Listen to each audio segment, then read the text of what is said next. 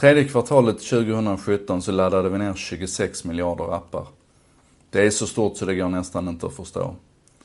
Och eh, det, det är ändå bara upp 8% emot 2016 så man kan säga att kurvan har planat ut lite grann. Men vilken jäkla tillväxt.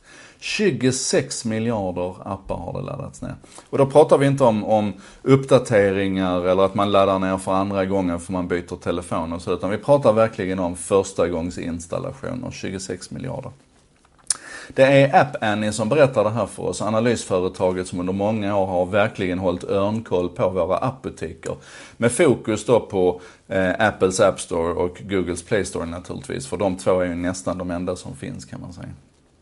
Ehm, och de berättar ju mycket mer för oss. Till exempel så berättar de att eh, Play Store är dubbelt så stor som App Store i antal nedladdningar. Och att den skillnaden är ökande. De berättar också att nästan hela den skillnaden går att hänföra till emerging markets, alltså tillväxtmarknader. Det vi tidigare kallade för utvecklingsländer.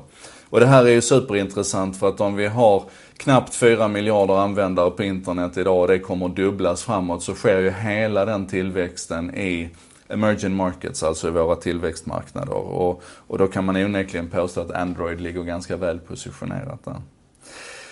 Men det är volymen i nedladdningar. Om vi istället tittar på pengarna, hur mycket pengar som snurrar runt i, i de här butikerna, så är Apple faktiskt dubbelt så stora som, eh, eh som Google Play Store där.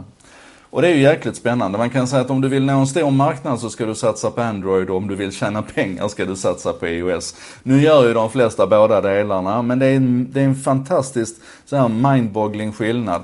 Men det är också fascinerande att titta på pengarna här. Eh, tredje kvartalet 2017 igen, 17 miljarder dollar. Det är en stor marknad med tanke på att den inte ens fanns för 8-9 år sedan iPhonen har ju funnits i 10 men det tog ju ett tag innan App Store lanserades och hela den här resan började. Men 17 miljarder dollar och det är upp 25% Så att, ska man säga, benägenheten att betala och volymen på den ekonomiska marknaden växer snabbare än antalet nedladdningar och den rent generella volymen på, på App Store och Play Store. Och det är också spännande naturligtvis att, att Apple genererar så mycket mer pengar i sin App Store än, än vad Google Play Store gör. Man kan också dra de här linjerna framåt och då säger analytikerna igen från App Annie att 2021 så räknar man med att den totala marknaden, den totala appmarknaden kommer att vara värd 6,3 biljoner dollar. 6,3 biljoner. Det är så mycket pengar så det går nästan inte att, att föreställa sig. Det som jag tycker är riktigt spännande med den här marknaden, det är ju inte bara vad den, vad den möjliggör för oss som laddar hem, utan det är vad den möjliggör för de som skapar appar också. Och jag gillar ju att berätta historien om Hugo Falk, den 12-åriga skolungen ifrån Göteborg, som gick till klassläraren och sa, det här med att göra läxor så är ju kul, men var är appen så att jag slipper sitta och fumla med, med glosböcker på bussen? Och läraren såg ut som en fågelholk och då gick Hugo hem och skrev appen själv. Den finns på App Store idag, du kan ladda hem den. Den heter Learn It. Den finns naturligtvis i en gratisversion och en premiumversion. Bra där Hugo. Den ena är annonsfinansierad och den andra kostar en, en tia att köpa. Och den ligger alltså, den ligger bra till på nedladdningslistorna. Och det här är en 12-åring som gjorde detta. Han hackade ihop den här appen själv och, och fick in den i App Store och, och har tjänat tillbaka utvecklarlicensen med råge vid det här laget. Och det där behöver vi klura på liksom, att, att den tillgängligheten finns idag. Eh, att, att, att skapa ett sånt enkelt insteg på en marknad som är värd 6,3 biljoner dollar 2021. Men vi behöver också fundera på att inte bli alldeles för förförda av det här. För att det finns också över två miljoner övergivna appar bara i App Store.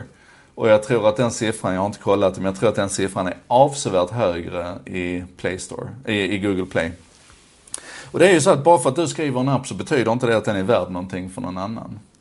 Och jag skulle bara vilja att vi i ljuset av de här siffrorna kanske ändå besinnar oss lite grann och funderar över Ehm, det krut vi lägger på appar idag. Det är inte alla förunnat att, att få till en sån hit som Hugo har fått med Learnit, utan vi måste verkligen ehm, se till att vi fyller ett behov.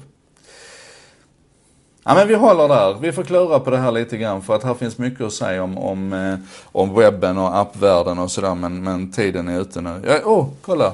Ser ni att jag sitter med en TV i bakgrunden där? Där, där är en TV. Um, ehm, jag är på ett hotellrum som vanligt och jag måste bara, en liten så sidebar.